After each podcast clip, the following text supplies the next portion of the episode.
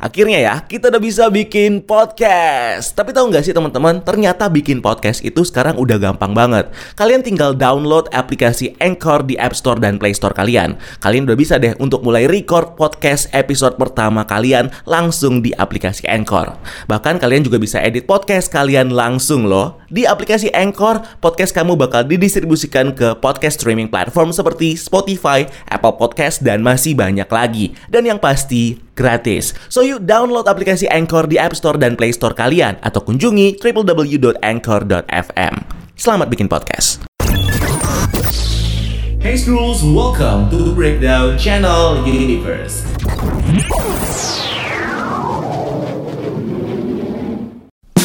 Akhirnya terungkap sosok di balik power broker yang ternyata adalah Sharon Carter. So nggak usah lama-lama lagi bareng gue Rian, langsung kita bahas topik kita kali ini.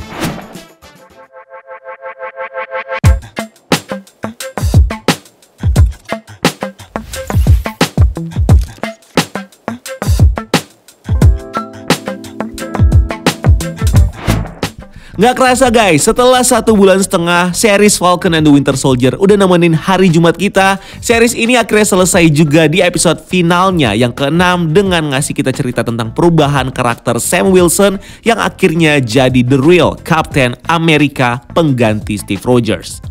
Di mana di episode ini bareng Bucky dan juga John Walker, Sam Wilson akhirnya menghadapi pertarungan terakhir mereka dengan Carly dan juga kelompok Flag Smasher yang di sini melakukan aksi terorisme mereka dengan dibantu oleh Batroc untuk menghentikan badan GRC yang berusaha melegalkan kebijakan Patch Act.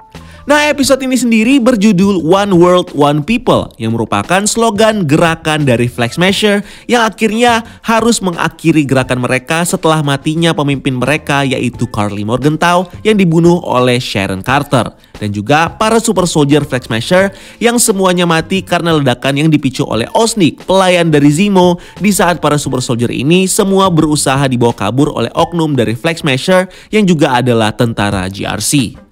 Dan ini tentunya bisa diketahui dan diantisipasi oleh Zemo walaupun dia sedang dikurung di penjara Raf karena menyuruh pelayannya Osnik untuk meledakkan mereka semua sebelum para super soldier ini kabur dan memulai gerakannya kembali. So, inilah yang menjadi tanda kalau Zemo akhirnya bisa menuntaskan pekerjaannya bersama Bucky dan Sam selama series ini, yaitu untuk membasmi seluruh manusia super di dunia, terutama super soldier yang eksis karena power broker di kelompok Flag Smasher.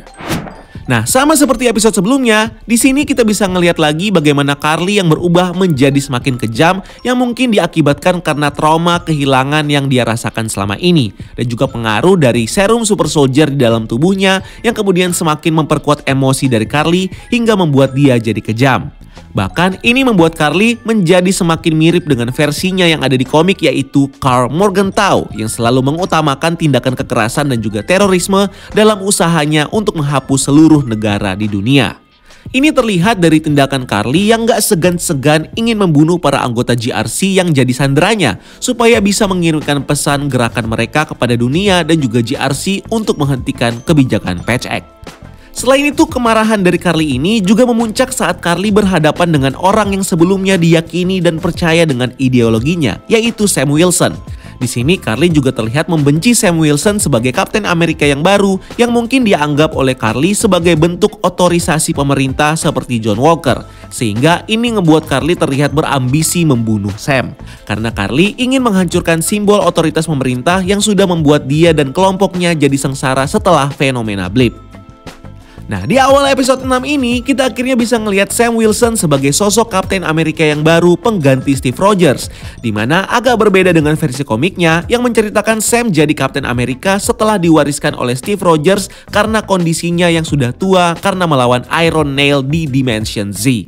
Di series ini, Sam harus menghadapi drama dan konflik dulu sebelum akhirnya menjadi penerus Steve sebagai Kapten Amerika.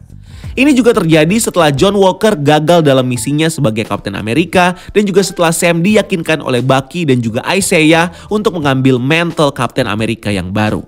Nah, sebagai Kapten Amerika, Sam tampil dengan kostum barunya yang diberikan oleh Bucky dan dibuat dengan teknologi Wakanda yang punya tampilan yang mirip banget dengan kostum Sam sebagai Kapten Amerika di versi komik dan juga mainannya. Dengan sayap Falcon, shield Kapten Amerika dan juga corak Amerika yang ada di kostumnya. Lalu dengan kostum barunya ini, Sam kemudian menjalankan misinya untuk menghentikan Flag Smasher yang dibantu dengan persenjataan dari Power Broker dan juga Batroc. Dan di sini, Sam lalu bertarung dengan Batroc yang punya dendam kepada Sam karena membuatnya rugi besar di awal episode series ini.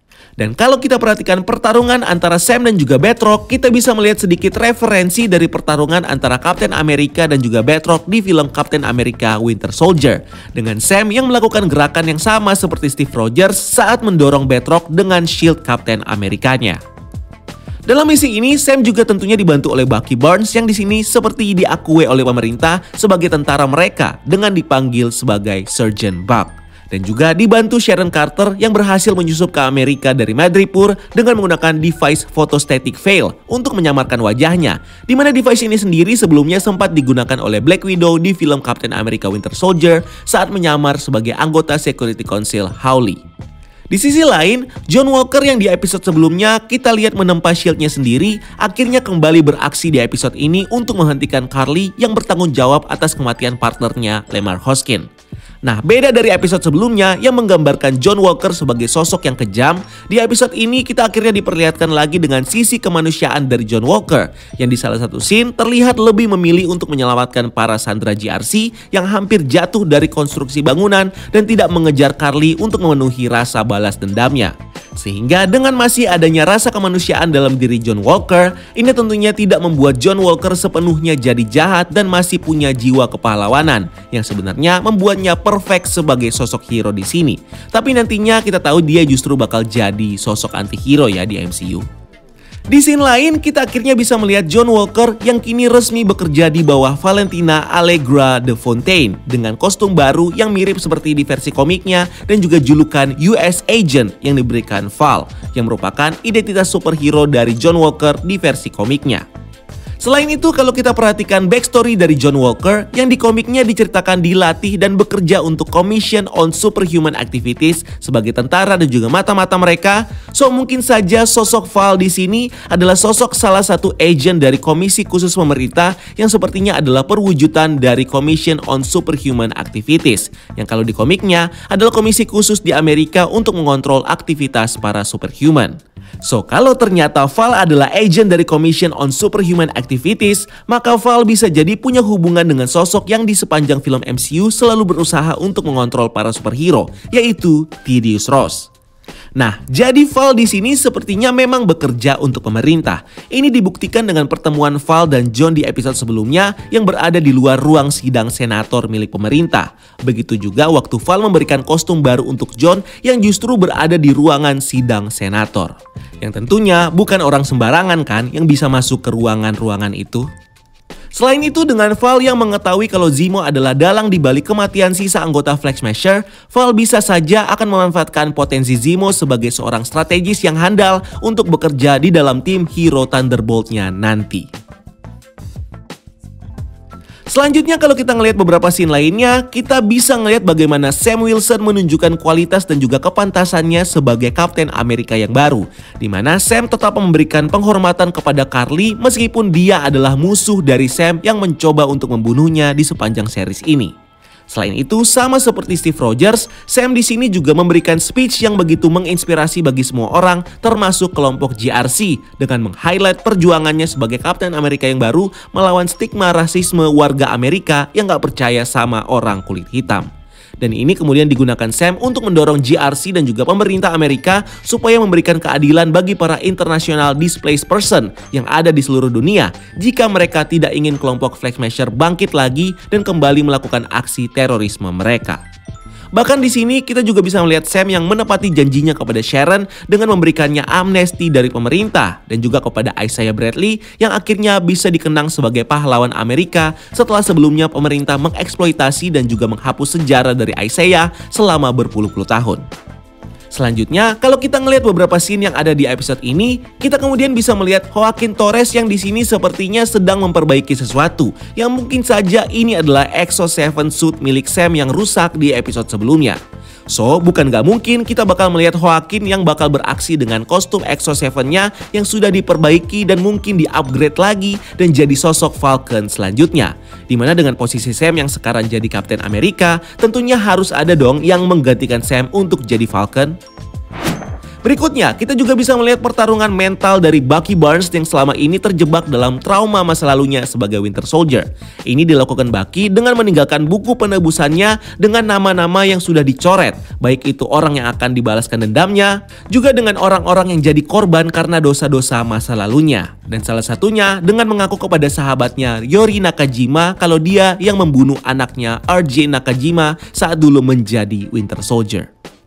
Yo guys, akhirnya kita punya podcast sendiri nih setelah sekian lama ngepoin tentang dunia per podcastan ini.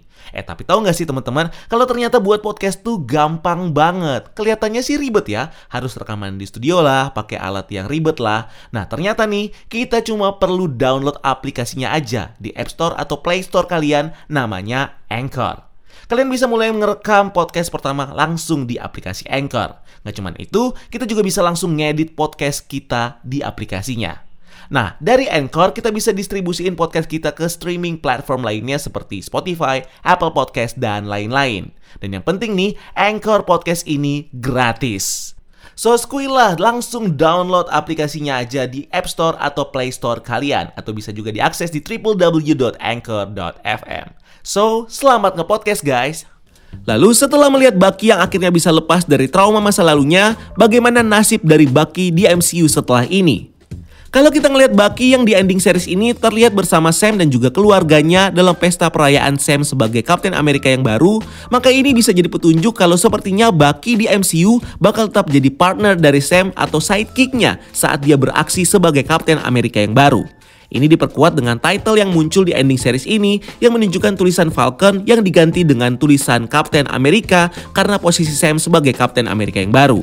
Dan juga tulisan And the Winter Soldier yang tetap ada di sana yang menandakan kalau Bucky bakal tetap jadi partner Sam sebagai Winter Soldier di MCU nanti. Di mana posisi ini sepertinya diambil oleh Bucky karena dia membutuhkan sosok leader untuk diikutinya sama seperti Bucky mengikuti Steve Rogers dulu. Dan terakhir di episode ini kita akhirnya di-reveal dengan sosok sebenarnya dari Power Broker yang ternyata adalah Sharon Carter. Ini di-reveal oleh Carly saat dia bertemu dengan Sharon yang menjelaskan bagaimana Sharon adalah orang yang bertanggung jawab memberikan Carly dan juga kelompoknya serum super soldier buatan Dr. Nigel supaya mereka bisa dimanfaatkan oleh Sharon sebagai aset pasukan super soldiernya.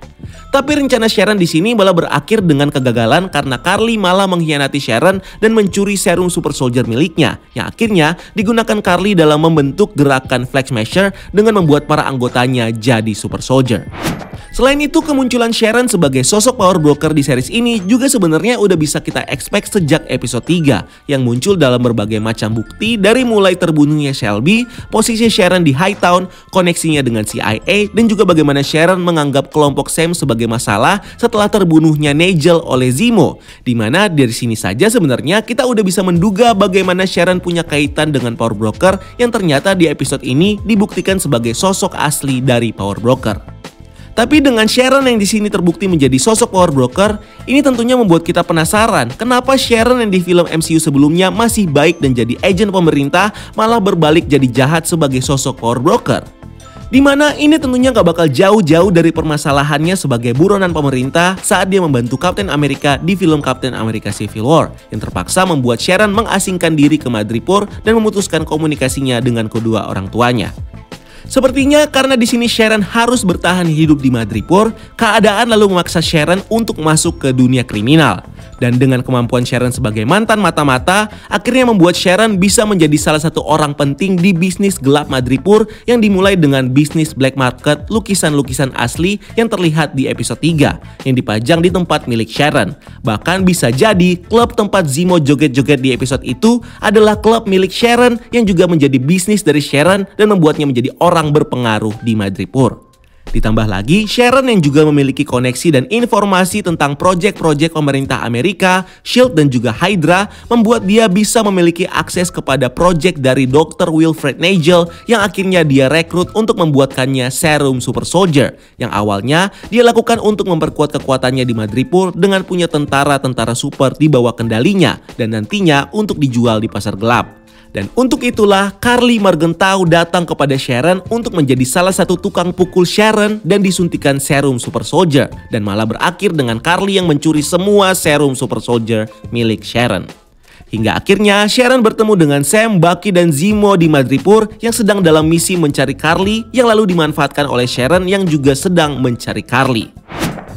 Selain itu, kita juga bisa melihat Sharon yang di sini berhasil menutupi identitasnya sebagai power broker dengan membunuh Bedrock yang tahu kalau Sharon adalah power broker karena nguping obrolannya dengan Carly. Dan Sharon juga berhasil membunuh Carly yang tentunya tahu tentang identitas Sharon sebagai power broker.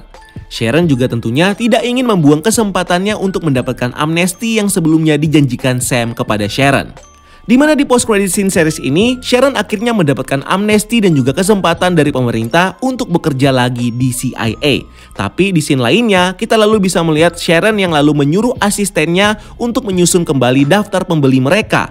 Karena Sharon yang kembali bekerja di CIA akan punya akses pada rahasia dan juga senjata prototipe dari pemerintah. So, Sharon akan memanfaatkan posisinya di CIA nanti untuk mencuri seluruh rahasia dan juga senjata prototipe milik pemerintah yang bakal dia jadikan sebagai barang dagangannya sebagai power broker. Setelah sebelumnya, dia kehilangan aset super soldier dengan matinya Dr. Nigel, hancurnya serum power broker, dan juga matinya Carly dan kelompoknya. Selain itu dengan Sharon yang di sini menyebut soal senjata prototipe yang bakal dia curi dan jual, so bisa jadi cerita Sharon sebagai power broker nantinya bakal berlanjut di film atau seri selanjutnya yang mungkin saja adalah series Armor Wars. Yang seperti kita tahu, di series Armor Wars nantinya, kita bakal diceritakan dengan kisah Rudy sebagai War Machine yang bakal melindungi seluruh aset teknologi dan juga senjata milik Stark dari para penjahat. Di mana teknologi dan juga senjata ini mungkin saja berada di bawah pengawasan dan kendali pemerintah Amerika, yang tentunya bisa dicuri dan juga dijual oleh Sharon Carter dengan gampang saat dia jadi agent CIA nanti. Sehingga inilah yang membuat Sharon mungkin saja bakal tampil di series ini sebagai seorang villain dengan identitasnya sebagai power broker. Keep exploring the multiverse.